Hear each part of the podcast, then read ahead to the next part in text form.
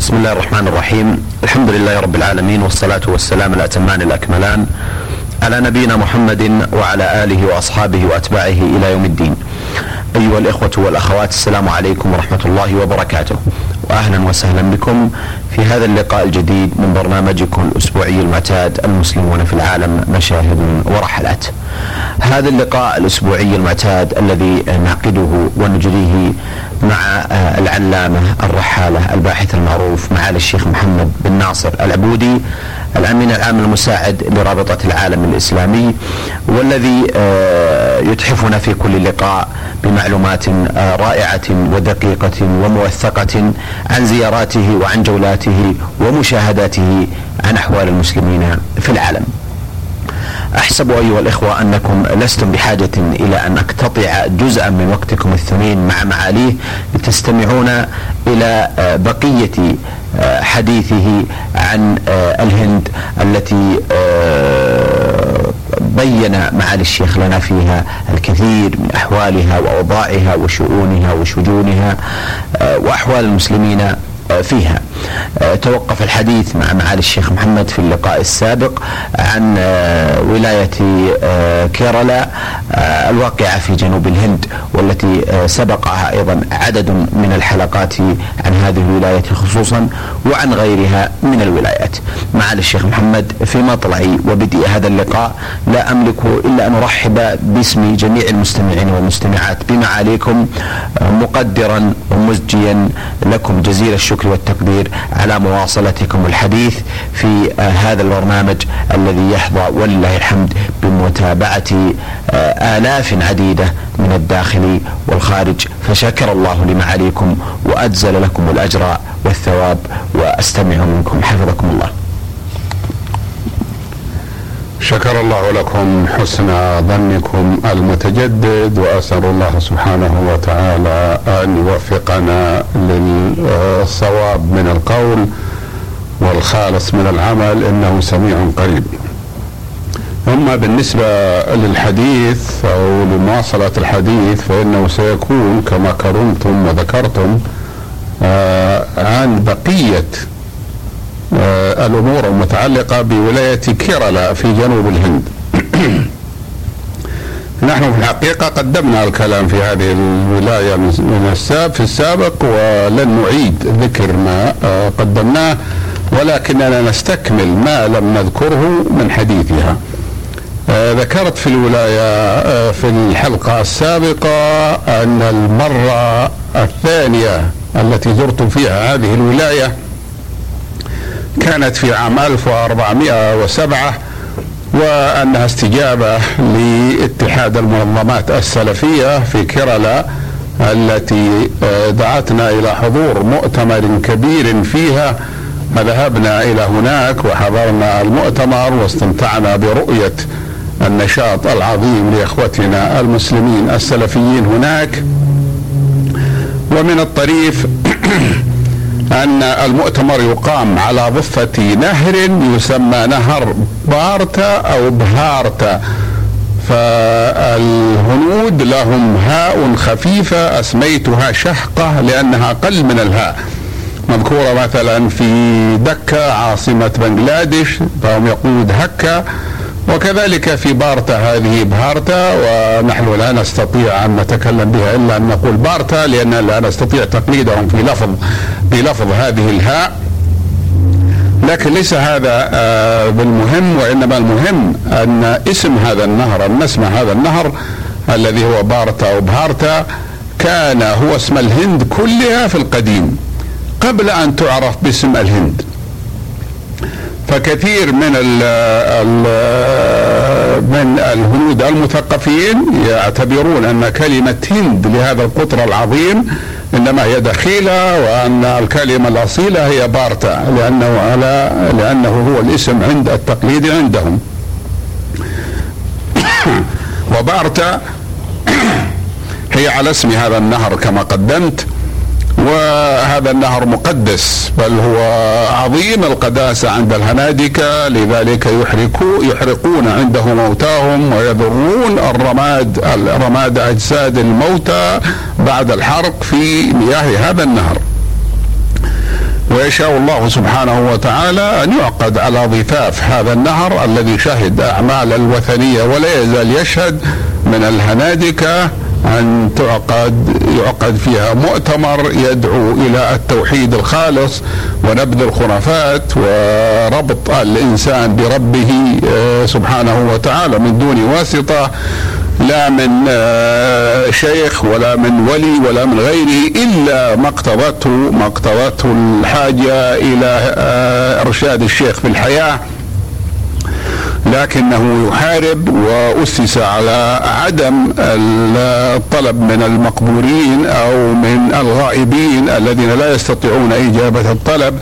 آه، المادي أن يطلب منهم النفع أو يطلب منهم أن يدفعوا الضرر. وصلنا بالطائرة من بومبي إلى كوشن وكوشن مدينة رئيسية في كيرلا ولكنها واقعة في جنوبها. ولم نذهب إلى البلدة التي فيها المؤتمر أي التي هي أقرب بلدة من المؤتمر واسمها كوتي بورم ولكن آه، لأنه ليس في كوتي بورم هذه مطار وإنما آه، المطار في كوشن لأن المدينة الرئيسية وهي تبعد عن كوتي بورم ب 140 كيلو مترا سافرنا بالسيارة إليها أي إلى كوتي بورم التي هي على نهر بهارتا وفيها المؤتمر. وانطلقنا بالسيارة مع ريف هندي معتاد. فيه الأشجار النافعة كالنرجيل والأنبة التي هي المانجو. وينبغي أن نشير إلى أن الأنباء اسمها في المعاجم العربية الأنباء. والناس في العصر الأخير المتعلمين أو المقلدين للغرب ظنوا أن أسلافنا لا يعرفون المانجا ولا يعرفون الأنباء فسموها المانجا تقليد الأوروبيين أو المانجو ولكن اسمها الصحيح القديم عندنا الأنباء وقد تظرف بعض آه، الشعراء فقال إن كنت تبغي أكمل اللذات فعليك صاحب أنبه الثمرات. فأنبه استعارة إلى أنه يقصد إذا كنت تبغي الفاكهة اللذيذة فعليك بالأنبه التي هي المنجو ولكنه استعار ذلك بقوله فعليك صاحب أنبه الثمرات. وعندهم أشجار الفوفل وليس المقصود من ذلك أن نعدد ما عندهم ولكننا نقول إننا شاهدنا هذا في طريقنا. وعندما وصلنا إلى المؤتمر وجدناهم في سرادق ضخم عظيم مقام على أعمدة من الخشب ومسقف بحصر مربوطة بحبال وهو هائل الاتساع بحيث أخبروني أنهم في ذلك اليوم صرفوا 56 ألف بطاقة غدا للمؤتمرين من مطبخ ضخم أقاموه فيه للمؤتمر. فمثلا أروني هذا السرادق فرأينا المطبخ مطبخ ضخم وفيه جماعات يطبخون ولكنهم لا يعطون لكل شخص أتاهم غداء من الحاضرين لأنه من الجائز أن يكون هذا الشخص ليس حاضرا للمؤتمر وإنما جاء ليأكل مثل بلد غيرهم فكل من أراد من المؤتمرين أن يتناول غداءه ذهب إلى المسجل قسم التسجيل وأخذ منه ورقة بأنه آه، من المؤتمرين فسلمها للمطبخ والمطبخ يعطيه طعامه وطعامهم من الأرز البرياني وهو الأرز الدسم المخلوط بالبهارات ومن أهمها الشطة أو الفلفل الحار وفيه لحم الغنم ورأيتهم يقدمون في هذه هذا المؤتمر في في بعض الأحيان لحم البقر وذلك أن ولاية كيرلا من الولايات القليلة في الهند التي أباحت أن يذبح البقر فيها بل وأباحت أن يباع لحوم أن تباع لحومها في حوانيت الجزارة وقد رأيتها مكشوفة تباع بنفسي. أما بقية أنحاء الهند فأكثر الولايات لا تبيح ذبح البقر وإذا ذبح إنسان بقرة فإن عليه جزاء عظيم يسجن ويغرم ويعاقب بعقوبات أخرى. وهذه أيضا تعتبر عقوبات مخففة لأن الهنادكة كانوا في الزمن القديم القريب ممكن 100 100 سنة 80 سنة إذا رأوا مسلما ذبح البقرة قتلوه. فهذا الآن يعتبر قليل من التعصب لكن هذه الولاية التي هي ولاية كيرلا تبيح ذبح البقر وتبيح بيع لحومها علنا. ربما كان ذلك بسبب كون المسلمين يبتلغ نسبتهم نحو 32 أو 30% من السكان وربما كان ذلك لأسباب أخرى. فنحن دائما نعرف من آه، التاريخ أن جنوب الهند أقل تعصب للهندوكية من شمالها وهذه في نهاية الجنوب. وحتى مذهب أهلها الهندوكي هو مختلف عن مذهب أهل الشمال الهندوكي ولا يجمع بينهما بين المذهبين إلا أنهما ينتميان إلى ينتميان إلى آه، الهندوكية. لقد قلت فيما سبق في حلقات سابقة أن أسلافنا المؤرخين المسلمين والعرب لم يستعملوا كلمة هندوس بمعنى جمع هندو. أو هندوكي لأنهم لم يكونوا يعتبرون أن جميع أهل الهند مذهبهم هندوكية وإنما كانوا يسمونهم كفار الهنود لأن الهندوكية مذاهب كثيرة متعددة بعضها يحارب بعضا ولكن الإنجليز هم الذين اشاعوا لفظ هندو للهندوكي الواحد وهندوس للجماعة ثم عربها إخواننا هناك فسموهم هنادك أو هنادكة. آه،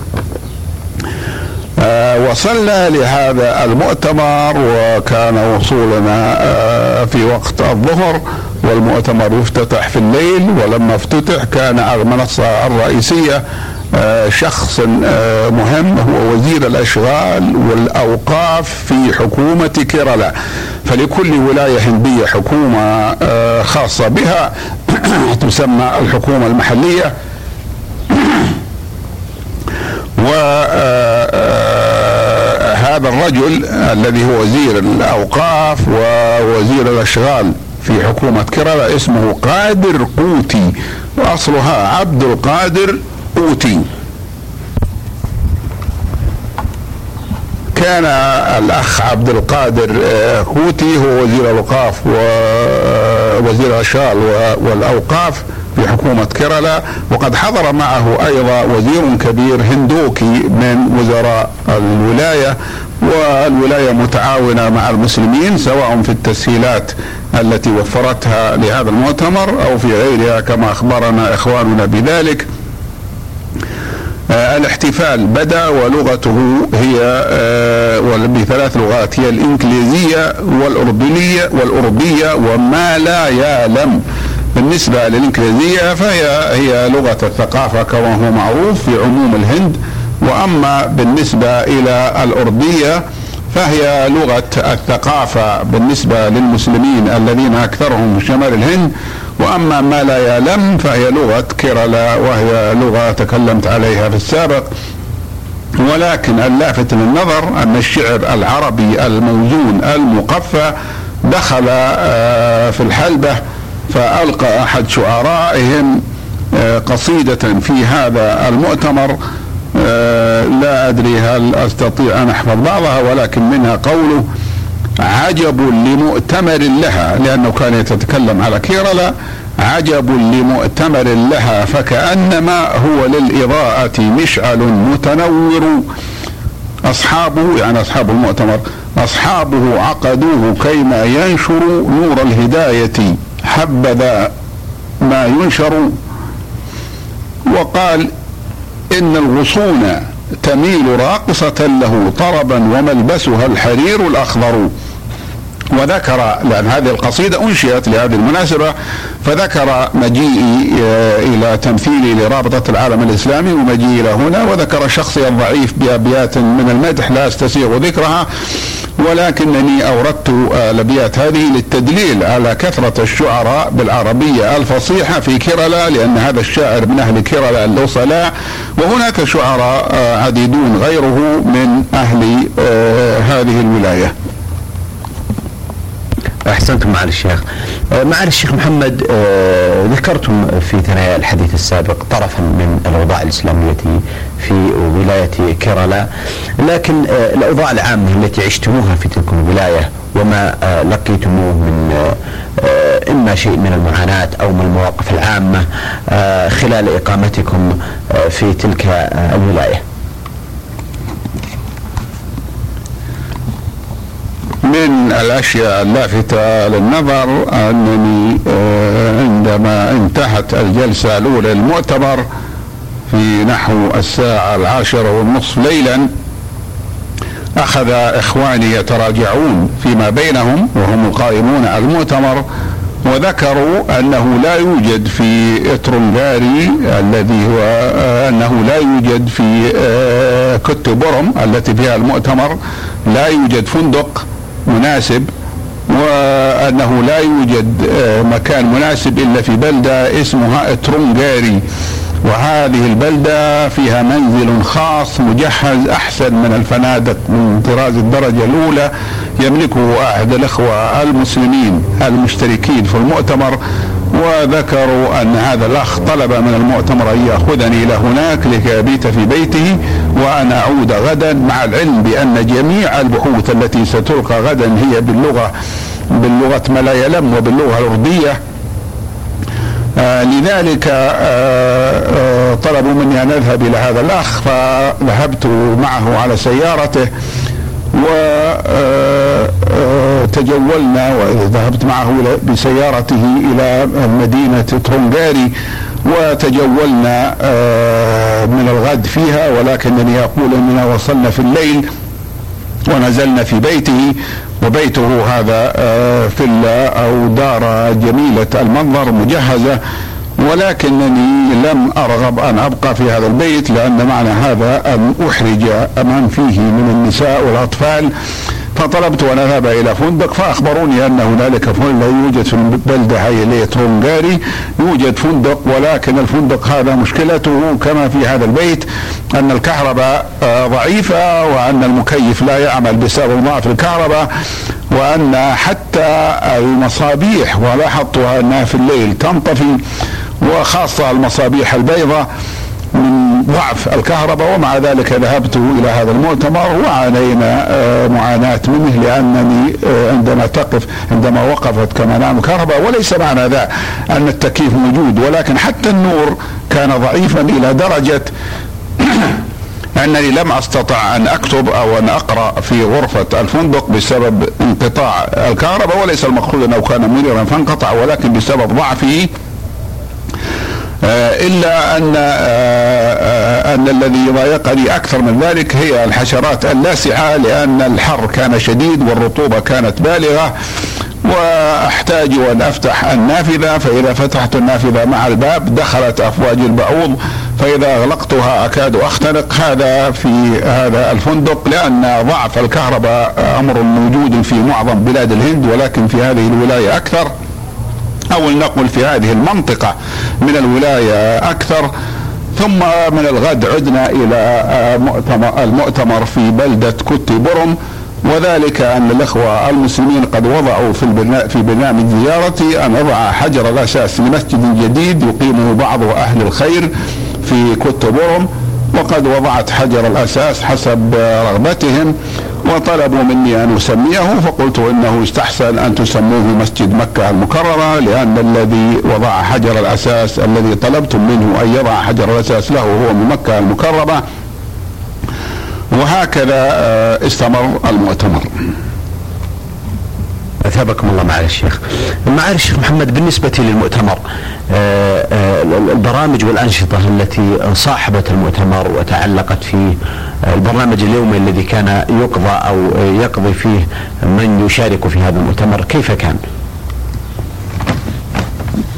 أود أن أشير إلى أن جميع المؤتمرين قد هيئت لهم حصر للنوم عليها فهم ينامون نوما جماعيا مع أن الذين طعموا في في المطعم كانوا 56 أو 57 الفا. فالذي ينام في هذا السرادق نحو 80 الفا. إذا جمعنا إليهم العاملين والآخرين العاملين في المؤتمر وفي الجمعيات الإسلامية المحلية وكلهم ينامون على حصر ولكن إخواني قالوا إننا لا نريد لك أن تنام مع هؤلاء مع أن أنها الحصر كلها موجودة وواسعة لأن المكان واسع. ولكن المؤتمر هذا في الحقيقة ليس مجرد حفل خطابي يتناوب فيه الناس الخطابة وإنما وضعوه ليكون مؤتمرا عاما نافعا فمثلا في قسم كبير لبيع الكتب والمنشورات الإسلامية باللغات الثلاث التي هي اللغة الإنجليزية واللغة الأردية ولغة ما لا يلم التي هي اللغة المحلية لكيرلا. ورأيت الناس يقبلون على شراء الكتب إقبالا عظيما حتى إن البائع يصعب عليهم أن يتابعوا تغليف أو إعداد ما يبيعونه ليأخذه المشترون. وهذا عجيب من أمر إخواننا أهل الهند فهم يقبلون على شراء الكتب ويسخون. لذلك سخاء عظيما مثل ما يقبلون على التبرع لإقامة المؤتمرات الإسلامية. ولكن المصروفات التي لا لزوم لها فإنهم يتفادونها فينامون في مقر المؤتمر على حصر ولا يدفعون الفندق مبالغ طائلة تذهب سدى وإنما هذه المبالغ إما أن يعطوها للجمعيات الإسلامية أو يشتروا بها كتبا إسلامية أو ما أشبه ذلك. ثم ذكرت آه، ثم رأيتهم آه، قد آه، أروني أنحاء المؤتمر ذكروا أشياء عجيبة من ذلك أنهم مثلوا أشياء تحذر من البدع وذكروا أن بعض المخرفين يستغلون أشياء يزعمون أنها من أعمال الصالحين.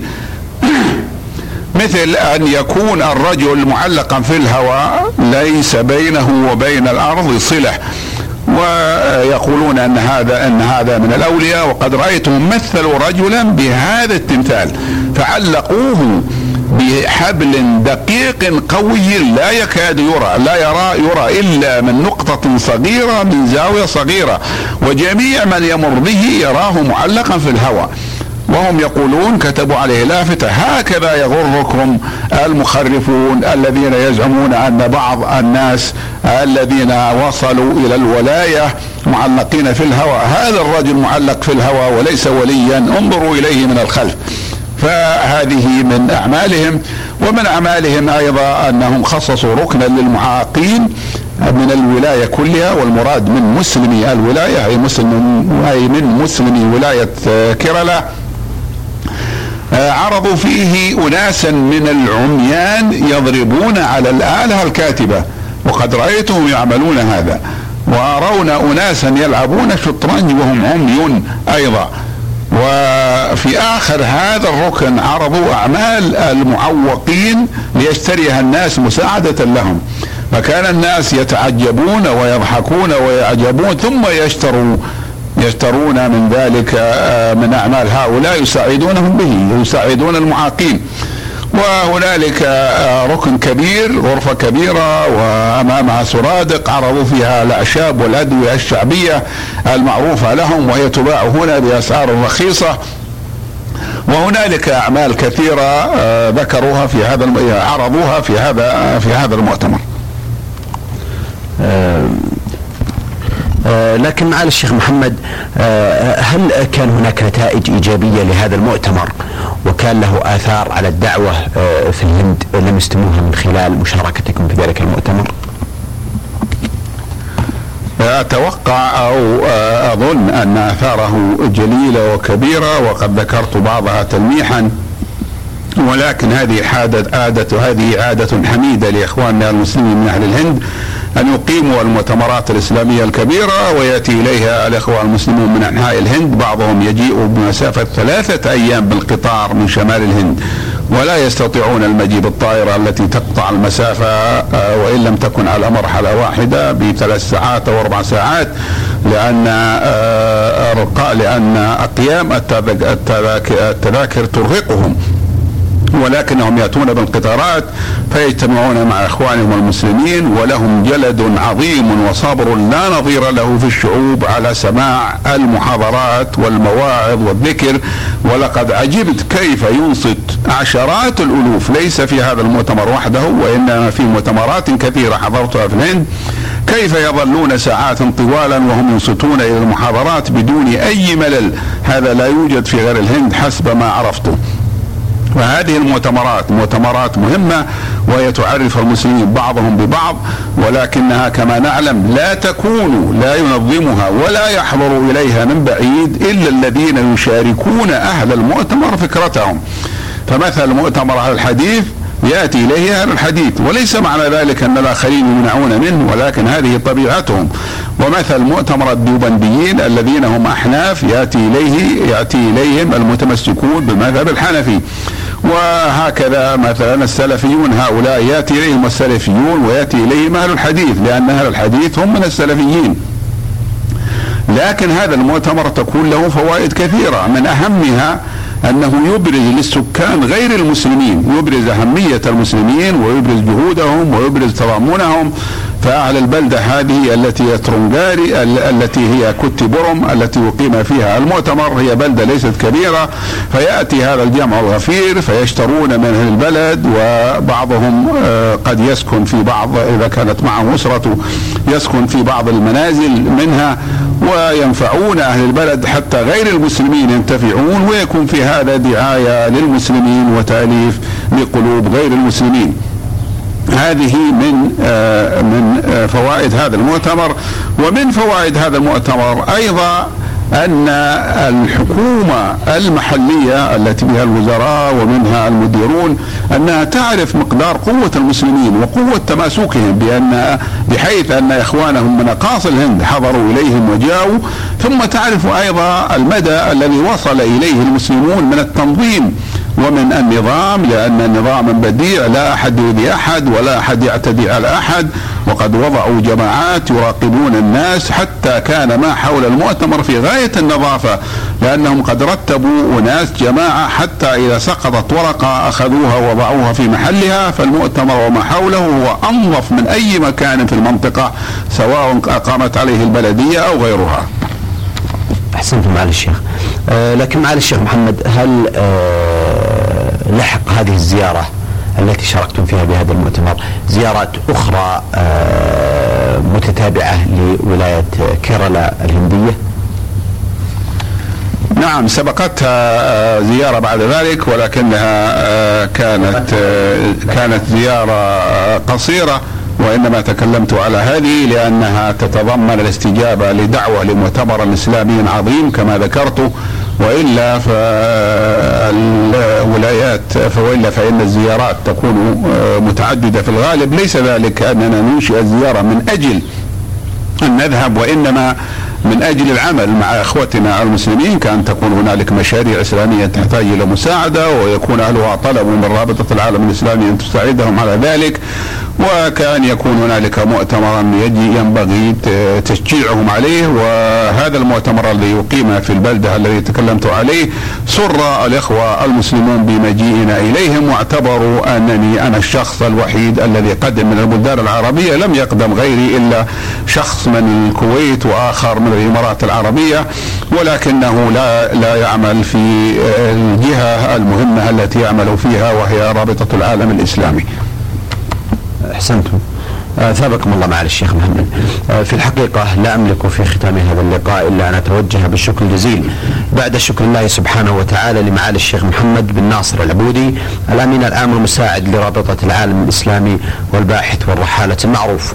آمل بإذن الله أن يتجدد لنا لقاء مع معاليه. لنواصل الحديث عن آه، مشاهداته وانطباعاته ورحلاته إلى آه، أوضاع وأماكن وبقاع المسلمين في العالم. ألقاكم أيها الإخوة والأخوات على خير في مثل هذا اليوم من الأسبوع القادم وهذه تحية من محدثكم محمد بن عبد الله مشوح والسلام عليكم